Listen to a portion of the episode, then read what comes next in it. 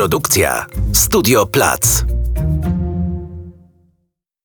Spotykamy ich wszędzie. W pracy, na studiach, w metrze, w bloku, na ulicy, w sklepie. Uzależnieni. Od alkoholu, leków, hazardu, seksu, pracy, zakupów, internetu. Są wśród nas. Nie zawsze o tym wiemy. Za każdym nałogiem kryje się jakaś opowieść, tęsknota, ból, potrzeba regulacji emocji.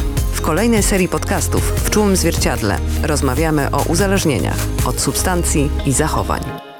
Dzień dobry, Małgorzata Serafin, dziś w czułym zwierciadle, dr Andrzej Silczuk, psychiatra, ekspert w dziedzinie uzależnień. Cześć. Cześć, dzień dobry.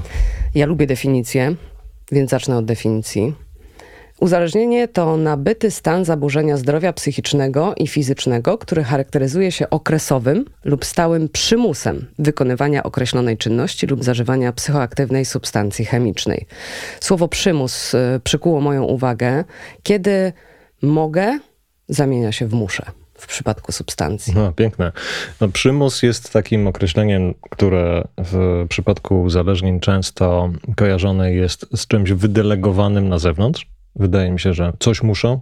To, co, nad czym my pracujemy w terapii, e, w samorozwoju, w świadomości, to jest to, żeby e, chcieć albo nie chcieć, wiedzieć, dlaczego chcę coś robić, a nie, że muszę coś zrobić i z jakiegoś sposobu jestem, czy perspektywy przymuszany. I e, trochę, może to nie jest specjalnie fortunne określenie. Stały przymus to jest potrzeba, bardzo duża potrzeba, e, coś, co się łączy pomiędzy realizacją a głodem i mm, właśnie z takim presyjnym e, wykonywaniem czegoś ale niekoniecznie bezpośrednio przymusem, bo słowo przymus tutaj będzie, mm, myślę, że miało takie zabarwienie, którego ja osobiście nie, niespecjalnie lubię. W tym cyklu rozmawiamy o um, uzależnieniach, zarówno tych od substancji, uzależnieniach e, chemicznych, popraw mnie, jeśli jest e, lepsze na to bardziej profesjonalne określenie, i uzależnieniach e, behawioralnych. Dziś porozmawiamy o uzależnieniach um, takich polskich chyba chciałabym nawet powiedzieć, czyli na pierwszym miejscu alkohol, narkotyki, leki, nikotyna. Dorzuciłbyś tutaj cukier? Tak, narkotyki nie będą naszą prostą specjalnością. My jesteśmy nikotynistami i alkoholikami przede wszystkim. Kulturowe hasło. Wszyscy piją, dlatego mamy tak duży z tym problem. Mm, jeżeli miałbyś zrobić takie top 5 i czy w ogóle da się zrobić top 5 przyczyn tego, że alkoholizm w naszym kraju ma się dobrze, a nawet tak e, w pejoratywnym znaczeniu coraz lepiej. No to jest, to jest ciekawy challenge taki, żeby pod presją czasu trochę powymyślać, ale możemy razem spróbować to zrobić, bo e, tu się pije, to jest popularne, ok, ale z drugiej strony tu jest zupełnie niepopularne niepicie. I dzisiaj pojawia się taki ciekawy, mam nadzieję, że nie trend, tylko istotna zmiana mm, społeczna, czyli zachowania proabstynenckie, które wcale nie muszą oznaczać, że człowiek całkowicie nie pije alkoholu, natomiast mając świadomość, mając e, wiedzę, to jest tak trochę z tym parametrem niewinności, która gdzieś tam wokół zależnie się pojawia, mając tego typu wiedzę, mm, większość nowych abstynenckich osób decyduje indywidualnie za siebie. I znowu uwaga, wracamy do początku naszej rozmowy, czyli tego, czym jest przymus. Jeśli chcemy walczyć z przymusami, e, i nie myślimy o nich jako kompulsjach, czyli czymś, co jest czysto chorobowe, tylko zachowaniami, które mm, mają lub mogą mieć konsekwencje, no to mając wiedzę, możemy podejmować decyzję, chcę albo nie chcę. I ta nowa grupa osób, które prezentują zachowania abstynenckie, to są takie osoby, które mm, stawiają trochę inny styl, pokazują inny model funkcjonowania co oczywiście mierzy się z tsunami falą mm, nieakceptowalnych e, zachowań osób używających alkoholu. Jeśli I ktoś tu jest ma... przymus tłumaczenia się Oczywiście, absolutnie. Dlaczego nie dlaczego? pijesz? Ale nie ma takiego przymusu. Dlaczego nie palisz i dlaczego e, nie wciągniesz ze mną, prawda? No nie mamy taki model przymusu. polski wesel. Wyobraźmy sobie taką sytuację, że jesteście na weselu, mamy takiego wujka i ciocie i takie osoby, które siedzą przy tym wielkim stole mm, i ty jesteś tą osobą, która mówi, słuchajcie, ja muszę jeszcze wracać samochodem dzisiaj, albo jutro mam coś ważnego, nagranie z Serafin. Mm, mamy taką sytuację, że mówimy, nie, nie, ja nie chcę. I zaczynasz y, czuć się, jesteś osobą skrępowaną tym, że wypowiadasz coś po pierwsze skrajnie niepopularnego, zwłaszcza w tych okolicznościach. No coś ty, przecież to jest wesele. Y, kolejna rzecz, w środowisku osób y, pijących, no, robisz pewnego rodzaju coming out z zachowania nieakceptowalnego. Ale obok ciebie są osoby, i teraz pytanie, czy ktoś, kto formułuje do ciebie, sformu, do ciebie treść. No co ty, dlaczego ty nie pijesz z nami? Siadaj na pisie. Ja nawet w używałem bardziej dosadnych cytatów. To patrzymy na te same osoby, które mając gigantyczną nadwagę, BMI 32, właśnie wpierniczają kolejny serniczek, do tego pijąc e, kolejną lufę wódki, albo wychodzą na papierosa, gdzie idąc sapią i wiemy o tym, że prawdopodobnie mamy i nadciśnienie, i zagrożenie cukrzycą, albo już cukrzycę. Może nie, niedoczynność tarczycy nie, nie wybiera zwłaszcza w ostatniej właściwie epidemii Hashimoto. E, jeśli do tego dorzucimy jeszcze kilka innych czynników, no to mamy wszystkie możliwe argumenty, ale my jakimś, z jakiegoś sposobu, z jakiegoś, jakiegoś powodu tego nie robimy. No i teraz wyobraźmy sobie znowu alternatywną sytuację. Siedzi przy stole bardzo, bardzo szczupła osoba i słyszy, no co ty jesteś taka zabiedzona? Czemu ty jesteś taka chuda? No coś, ty chyba się nie odchudzasz, to bardzo źle wygląda, zjedz coś. A z drugiej strony może siedzieć osoba, która ma BMI 32 i możemy ją zapytać, ale nie pytamy, dlaczego? Słuchaj, co ty sobie robisz? Dlaczego ty pozwalasz sobie na igranie z, z życiem? Bo, bo to już nie jest tylko kwestia jakości życia, ale w tej chwili tego, że ono naprawdę istotnie się skróci. I dokładnie to samo mamy w kontekście alkoholowym. Jeśli nie pijesz, to prawdopodobnie coś za tym stoi. To jest twoja decyzja. Jesteś tym chudzielcem na imprezie pełnej grubasów. I na tej imprezie wszyscy będą ciebie wytykali palcem jako odmieńca, gdzie większość będzie decydowała o tym, że to jest nieakceptowalne, mimo tego, że to, co robią, jest bezpośrednio dla nich szkodliwe. Czyli taki czynnik kulturowy, to jest Polska, tu się pije. Mhm. Czynnik takiej presji e, środowiskowej. Czynnik... Jak jesteś w okolicy, bo to, bo to jest tak jak z pijaństwem, z definicją pijaństwa. Pijak i alkoholik to nie to samo. Pijak to jest osoba, osoba, która używa alkoholu stosownie więcej niż grupa środowiskowa, w której się mieści. No i teraz mamy taką grupę mm, e, heavy userów i w tej grupie, jeśli ja wypiję trzy piwa, to ja właściwie jestem prawie abstynentem i niechcącym się bawić.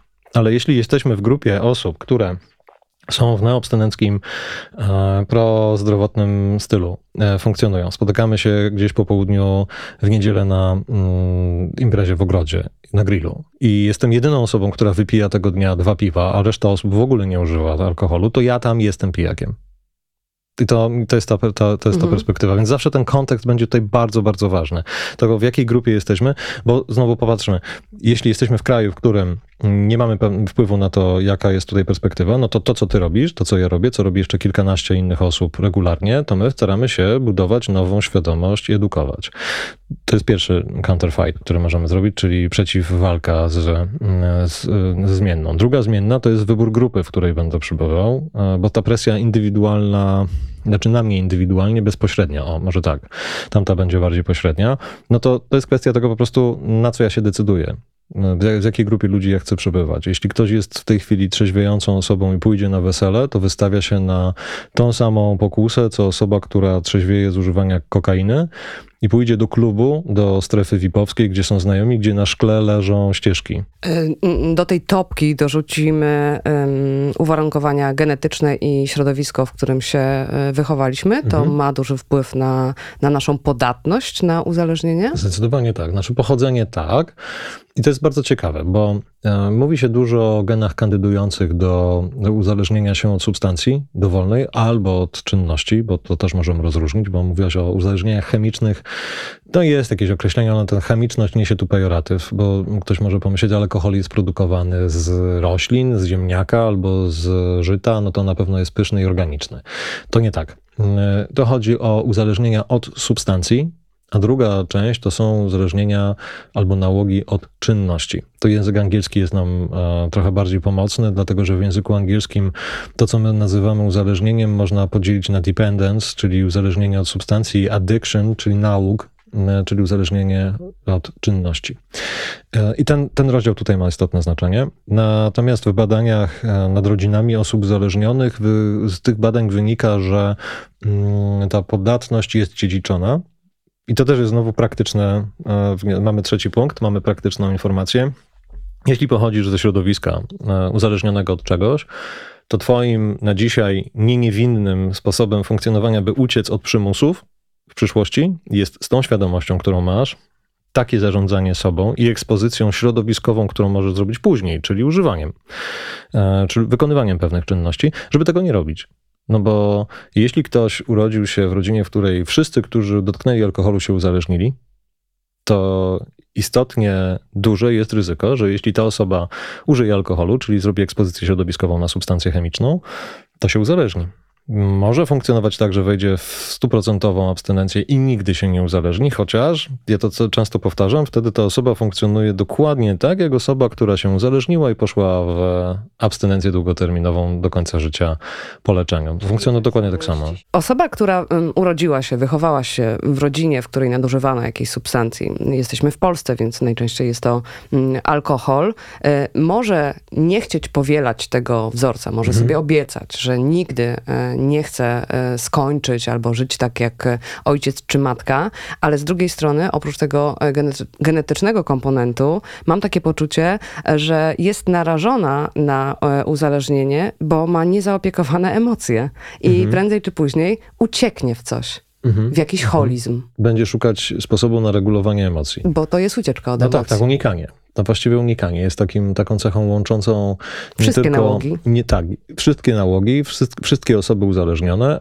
wszystkie dzieci osób uzależnionych i e, najbliższe otoczenie, bo unikanie to jest niemierzenie się z ekspozycją na bodziec lękorodny. Ja tak bardzo e, obawiam się mm, tego, czym jest podróż, że właściwie staram się nie podróżować, więc coraz bardziej zmniejszam swoje zasięgi wychodzenia z domu. W którymś momencie zostaję tylko w domu. Unikam 100% podróży.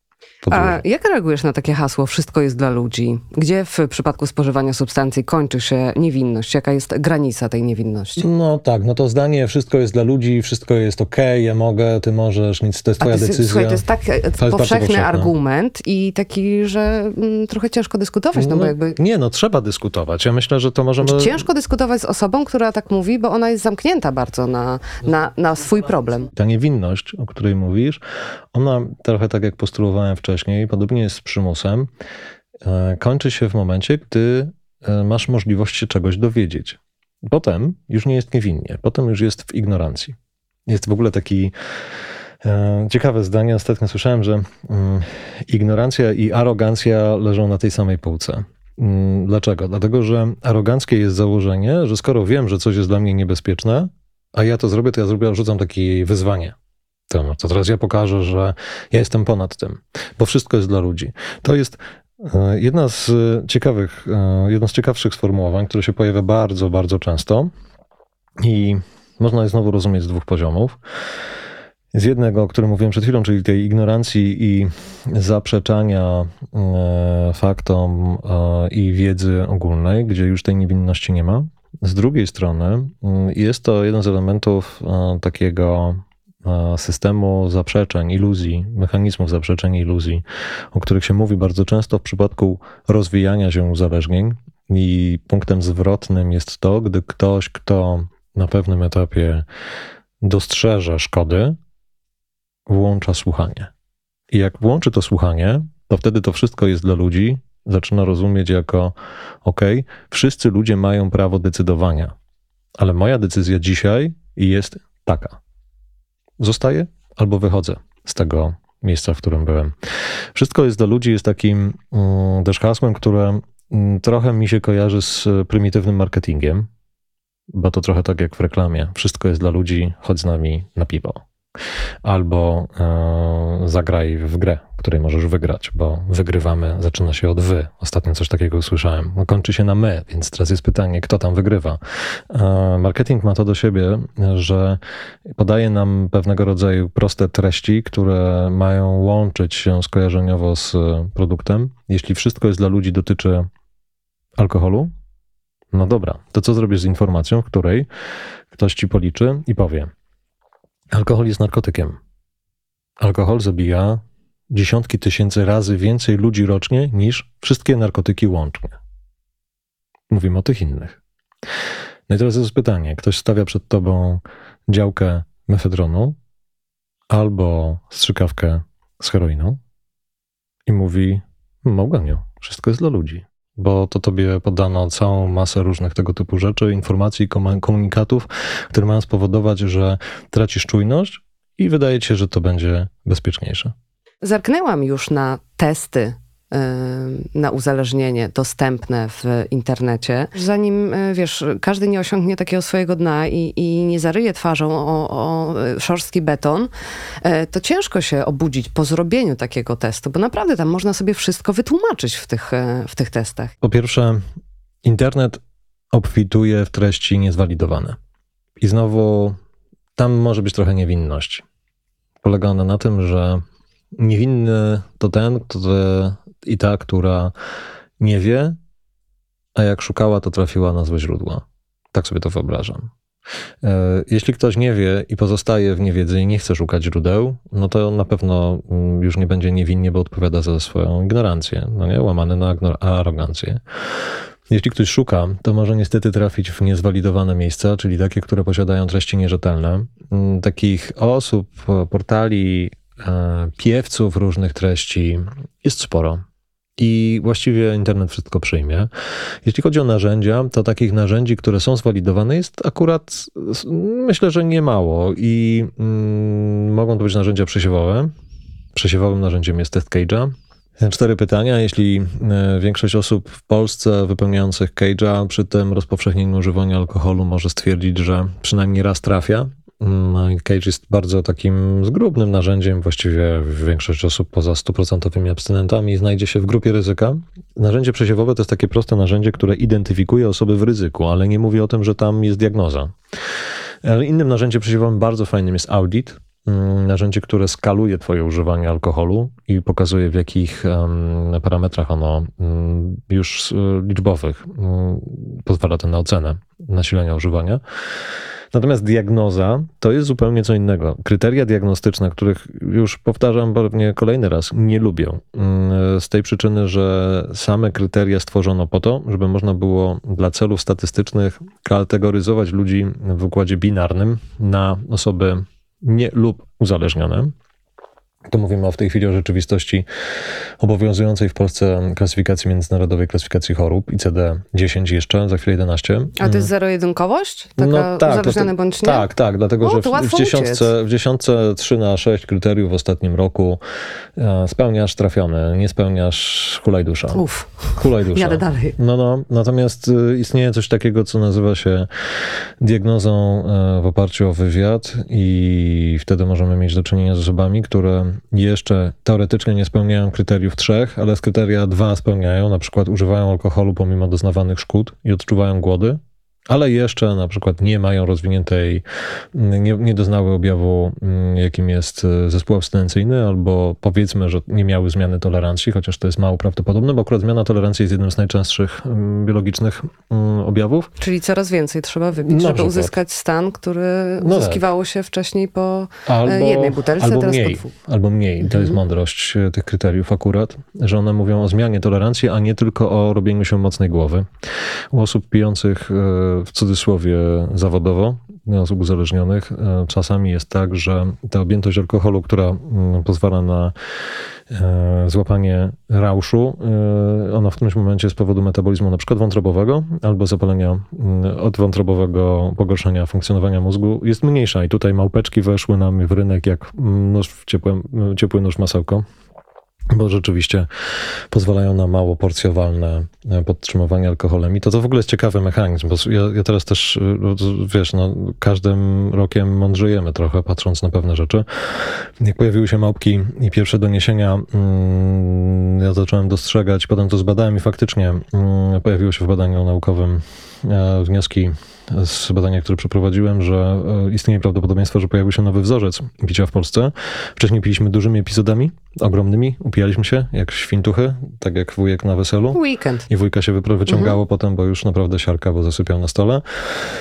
A tu się okazało coś takiego nowego w okolicach właśnie pandemii, e, znakomitego wejścia e, nowego produktu, że ludzie zamiast upijać się dużymi epizodami, na przykład wieczorem, zaczynają pić alkohol od wczesnych godzin porannych i podtrzymują sobie małymi porcjami po flaszeczce.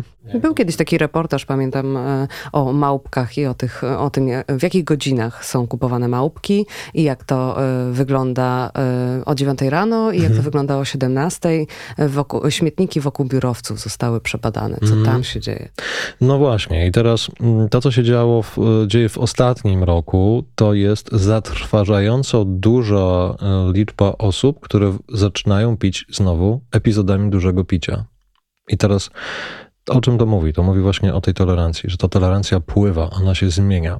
To może oznaczać, że spośród osób, które wcześniej nie piły epizodami dużego, dużych epizodów picia, a zaczęły igraszki z małymi dawkami, w którymś momencie pojawiła się tolerancja i potrzeba dużo większego użycia alkoholu w godzinach wieczornych po to, żeby zasnąć. Bo tak działa układ gabargiczny, że przyzwyczajony do porcjowania w mniejszych porcjach, żeby móc się wyciszyć, musi dostać ostro. I to oznacza, że mamy w tym momencie osoby, które dawkują, a wieczorami wróciły do bum. Mamy fuzję dwóch wzorców, czyli znowu nowy wzorzec, który oczywiście wymagałby zbadania, ale jest przerażający, dlatego że z kolei inne badanie, które teraz niedawno opublikowałem, Zrobiliśmy badanie z WUM-em i z Państwowym Zakładem Higieny. Policzyliśmy e, dane statystyczne z kart zgonów w Polsce z 2020-2021 roku i słuchajcie, no okazało się, że zatrważająco więcej ludzi zmarło z powodu używania alkoholu, nie tylko z powodu uzależnienia, ale też zatruć alkoholem e, w tamtych latach e, w stosunku do prognoz. No, prognozy roczne są raczej przewidywalne. Mówi się o tym, że te przyrosty są na przykład w jakimś tam odsetku. A tutaj były 40% różnice przepraszam, e, zmiennymi pandemicznymi, był mniej wydajny dla ludzi wymagających i szukających pomocy. No ale to wszystko łącznie jest przerażające. Po kolei, każda z tych rzeczy nas gdzieś gubi. I teraz e, domykając jeszcze jedną rzecz, bo powiedziałaś o testach. Um, testy mogą dawać informacje zgrubne. Warto szukać źródeł sprawdzonych e, lub jeśli ktokolwiek ma wątpliwość, skonsultować się z terapeutą uzależnień, Specjaliści terapii uzależnień to są osoby na równi z psychiatrami uprawnione do diagnozowania uzależnienia. Przy czym uzależnienie samo w sobie nie musi być kategorią, bo używanie szkodliwe, czyli takie, które przynosi konsekwencje dla zdrowia, a jeszcze może nie być uzależnieniem, właściwie wymaga dokładnie tych samych działań naprawczych. Uwaga, jeszcze jest taka kategoria, która się nazywa używaniem ryzykownym. Używanie ryzykowne to jest taki wzorzec używania jakiejkolwiek substancji, który podtrzymany kontynuowany przez następne 1, 2 dni, 5 dni, 5 miesięcy, 2 lata, nie wiadomo, w zależności od tego, jaką dysponujemy, zasob, jakim biologicznym zasobem do mm, udźwignięcia konsekwencji tego używania. Kontynuowanie wzorca ryzykownego używania niewątpliwie prowadzi do pojawienia się szkody. I to jest coś, co wymaga zaopatrzenia. Czyli no mamy ryzykowne, szkodliwe i uzależnienie. Tak? Aha, tak, I taki, bez zatrzymania się i zajęcia tematem lecimy do to jest uzależnienia. Spektrum. To jest trochę tak, jakbyśmy się bawili suwakiem Mhm. na suwmiarce. Dokładnie tak samo będzie tutaj. To pięknie opisali Amerykanie w swoim DSM-ie. To wchodzi w tym momencie też do świadomości osób w Europie mm, w ICD-11, że właściwie to nie jest uzależnienie, tylko zaburzenia używania alkoholu zaburzenia używania tytoniu, zaburzenia używania kokainy, zaburzenia używania heroiny, zaburzenia używania psychodelików, kofeiny. Każdym z tych elementów możemy przesuwać e, wskaźnik od braku konsekwencji do lekkich zaburzeń, umiarkowanych do poważnych, głębokich, wręcz śmiertelnie zagrażających zaburzeń używania danej substancji, lub możemy też pójść w kierunku zaburzeń uprawiania hazardu. No i jeszcze jedna rzecz, bo o wysoko funkcjonujących osobach, uzależnionych od jakiejkolwiek substancji.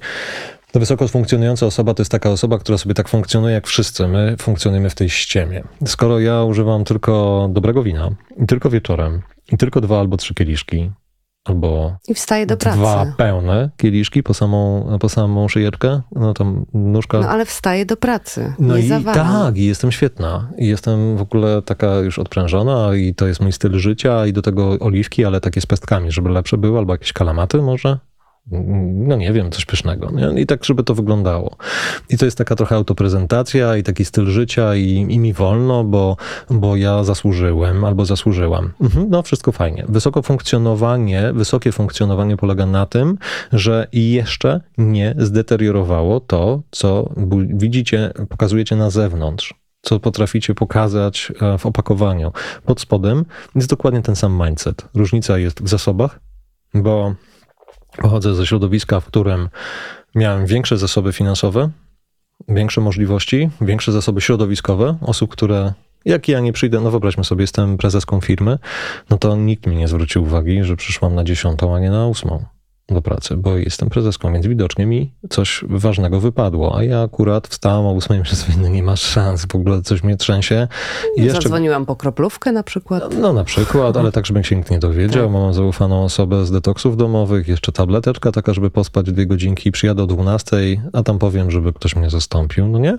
No i teraz to wszystko prowadzi do tego, że ta amortyzacja mm, szkód wynikająca z tego, że też przez lata się lepiej odżywiałam, miałam trochę lepszy stan zdrowia, chodzę regularnie na badania, w związku z tym dostawałem super suplementy, a w tym samym czasie jest mm, kolega Michał, który przez całe życie funkcjonował na tym, co zarobił i jego prostą rozrywką w życiu jest to, że on może normalnie tą flaszkę sobie wypić i dla niego to jest ta przyjemność, tylko że ten kolega, e, nie badając się, nie odżywiając się zdrowo, funkcjonując na pograniczu... Pożyje krócej. E, albo też szybciej zaliczy szkodę, która go zaprowadzi do szpitala, albo umrze.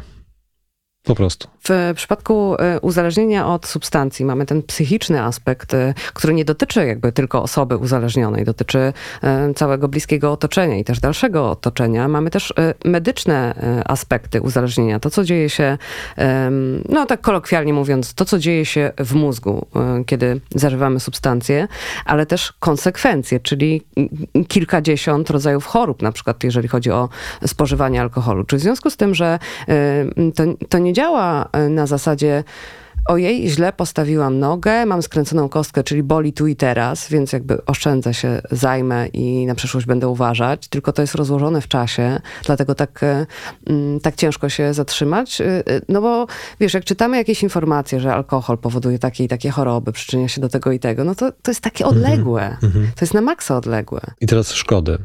Poza tym, że alkohol jest karcynogenem, czyli może powodować mutacje na poziomie komórkowym, i cała robota w naszym układzie e, odpornościowym, makrofagach i limfocytach, żeby sobie poradziły z, e, z komórkami nowotworowymi, je po prostu pożarły, zanim te się rozplemią.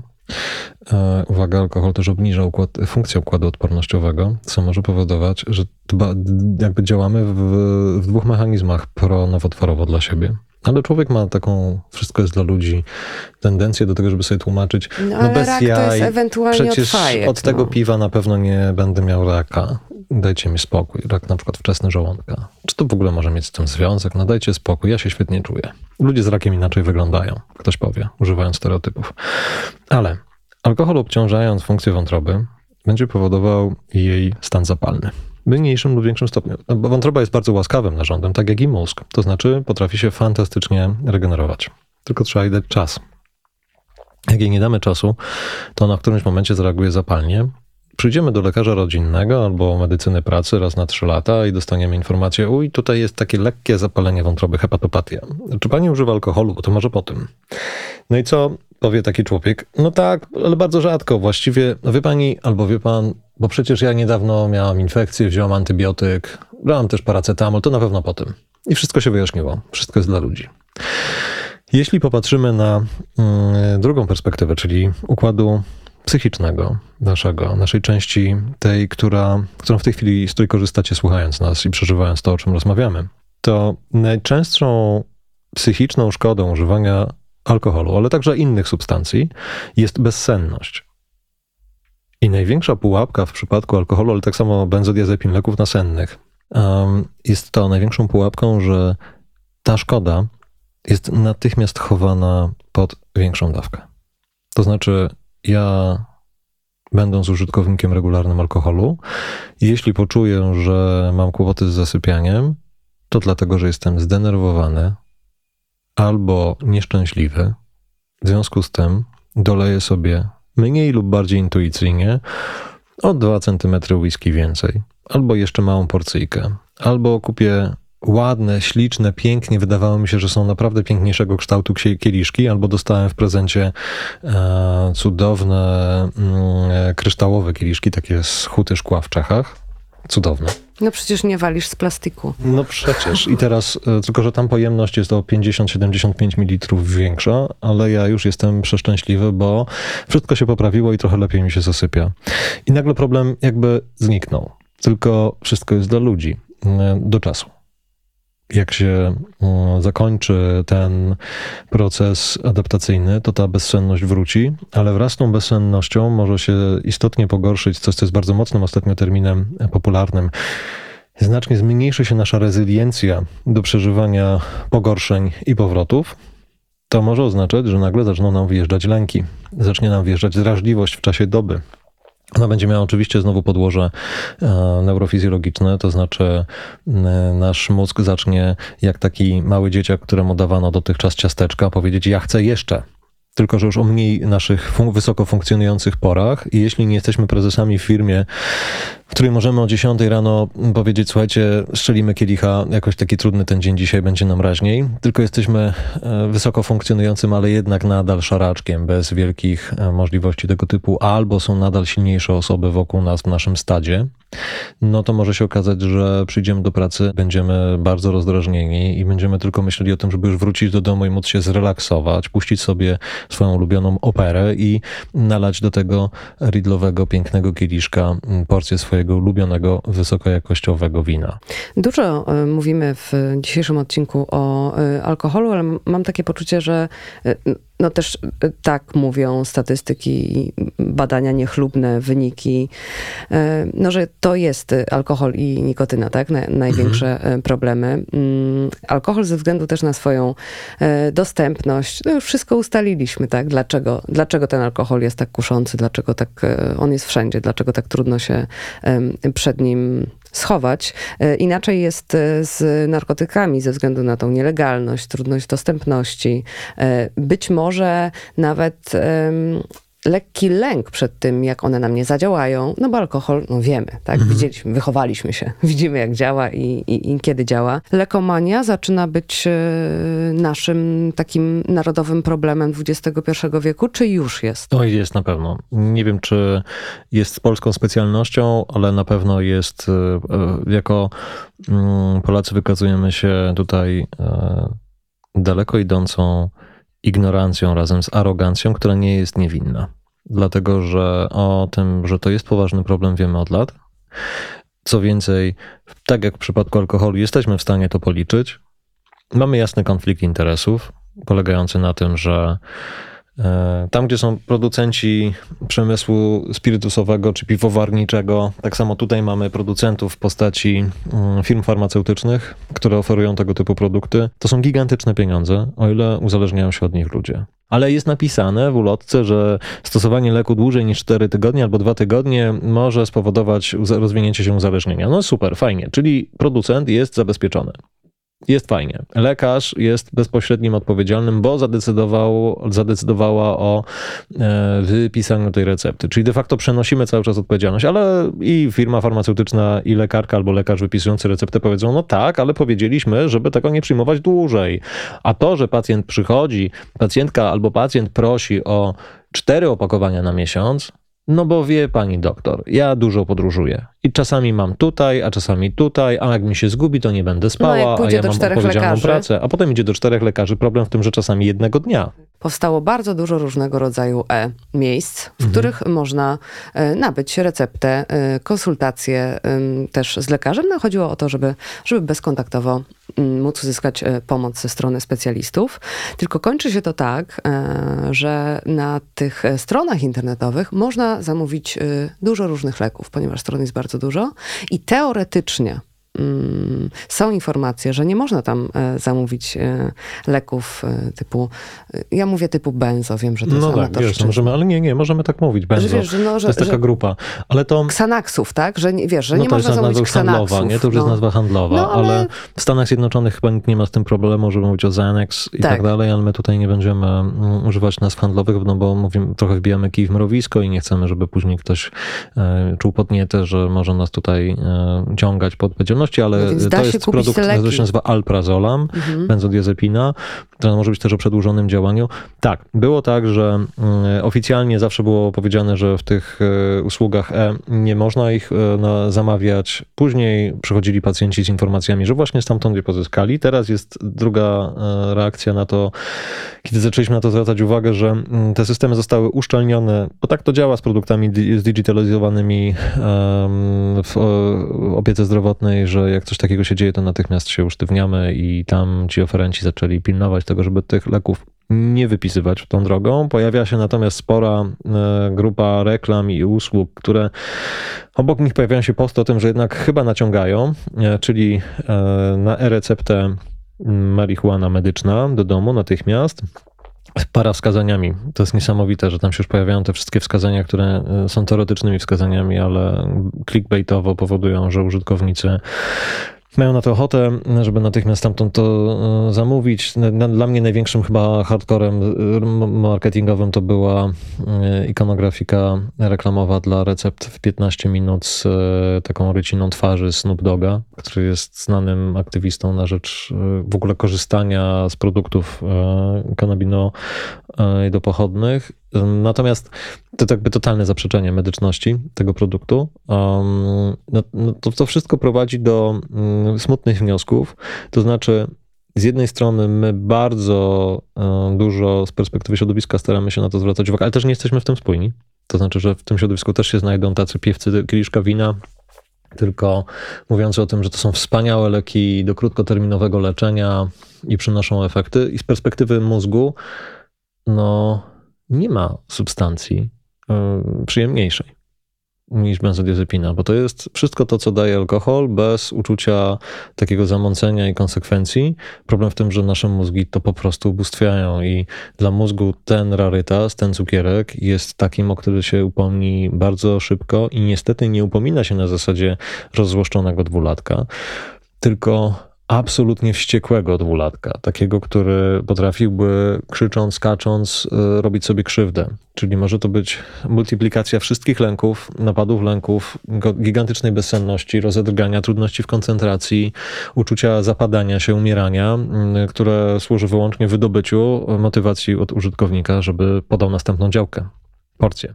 Ale z, z, całego tego zestawu uzależnień, to, to uzależnienie od leków jest jednak chyba takie najmniej widoczne. No, alkohol jest widoczny, e, nikotyna no, Fajki no, czuć. czuć. E, Albo widać, że ktoś tak, się... Tak, tak, tak. Narkotyki też. A leki, mm, no niekoniecznie. Do pewnego momentu są niewidzialne, bezzapachowe. W pewnym momencie, gdy rośnie tolerancja, ona niestety zawsze, zawsze się pojawi. I tutaj w tym przypadku nie będzie to tolerancja w dół, tylko zawsze do góry czyli będzie rosła do góry tolerancja mm, do zwiększania przyjmowanych dawek lub ich częstości lub dawki jednorazowej. Jest taka granica, w której no już się trochę nie da. To znaczy e, chodzą e, pacjenci takim trochę Walking Dead mm, stylu zombiaków, mówiący bełkotliwą mową, z maskowatymi twarzami, w bardzo przesztywnionych ruchach, dlatego że jedyny powód, który ich wyciągnął z domu, to było to, żeby pójść, zorganizować sobie kolejną receptę. Mm, e, I tutaj uwaga, wcale nie e-recepty robią e, od lat robotę, tylko lekarze środowisku. Mm, i lekarze psychiatrzy, i lekarze rodzinni, i kardiologowie, czasami im się zdarza, i neurologowie, to też wiem, też lekarze innych specjalności, specjaliści innych dziedzin Dlaczego? Dlatego, że mm, wydaje mi się, że to niewinne i wszystko jest dla ludzi, ale obok tego jest cała ta teza, którą e, staram się postulować tutaj. Mm, jeśli wiesz o tym, że czegoś nie wiesz, mm, no to pytanie, czy masz motywację do tego, żeby się tego dowiedzieć, nauczyć, zobaczyć, czy można to zrobić lepiej, dobrze, zdrowo, bezpiecznie, no na pewno nie kosztem zdrowia i życia i jakości życia pacjenta. Na koniec chciałam zapytać o to. Mm przekroczenie e, tej granicy, przejście przez, e, przez ten próg, kiedy się zatrzymać i pomyśleć, chyba jednak nie jest ok. Kiedy tracimy kontrolę, czy kiedy e, pierwszą naszą myślą w sytuacji trudnej emocji jest sięgnięcie po substancję? Wydaje mi się, że każda osoba będzie miała inaczej. Może są trzy prawdy o ludziach, które warto powiedzieć. E, po pierwsze, ludzie są różni. Po drugie, ludzie są różni. I po trzecie, ludzie są różni. A jest takie pytanie wewnętrzne, spójne, jednak łączące wszystkich mhm. ludzi? Tak, dlatego że przy tej całej różnorodności, którą, którą posiadamy i staraniach na to, żeby nas wypoziomować poprzez hasło, że wszystko jest dla nas, każdy z nas na pewnym etapie może odczuć wątpliwość. I wątpliwość to jest jedna z najpiękniejszych cech, jaką człowiek posiada. dlatego że wątpliwości kwestionowały stan rzeczy. My historycznie dzięki temu się rozwinęliśmy. My dzięki temu pchaliśmy postęp, rozwinęliśmy naukę, wyciągaliśmy wnioski. Kwadratura koła wynikała z tego, że mieliśmy wątpliwość, czy to się będzie toczyć. W związku z tym stworzyliśmy koło, w cudzysłowie rzecz jasna, po to, żeby pewne rzeczy wychodziły nam łatwiej, a potem stworzyliśmy hamulec, żeby nie szło zbyt łatwo. To są elementy ewolucyjne w rozumieniu nie ewolucji biologicznej, tylko myśli. I tutaj jest dokładnie tak samo. To znaczy, jeśli na pewnym etapie dostrzeżemy, że e, pojawia się wątpliwość, moment, czy to jest dla mnie dobre? Czy ja czuję, że chcę dalej? E, albo wątpliwość, bo ktoś nam powiedział po raz kolejny. Tak jest w Cage'u. Czy ktoś ci zwraca uwagę na to, że używanie przez ciebie jest nie okej? Okay? No to może to nie jest okej. Okay. Może trzeba się nad tym chwilę zatrzymać.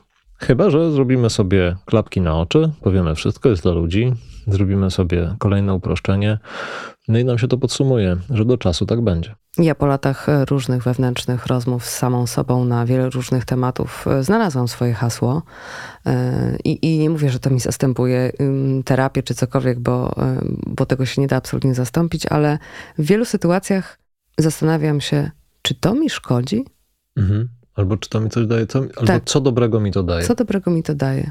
No I czy to mi szkodzi? I jeżeli komuś z Was takie hasło mogłoby pomóc Fajne. w analizie tego, jak używacie substancji e, i jak, jakie zachowania podejmujecie, to, to śmiało bierzcie i używajcie tego mojego pytania. Dziękuję bardzo za rozmowę. Dziękuję bardzo. Dziękujemy za wysłuchanie podcastu. Wszystkie rozmowy cyklu w czułym zwierciadle znajdziesz na zwierciadło.pl oraz w serwisach streamingowych.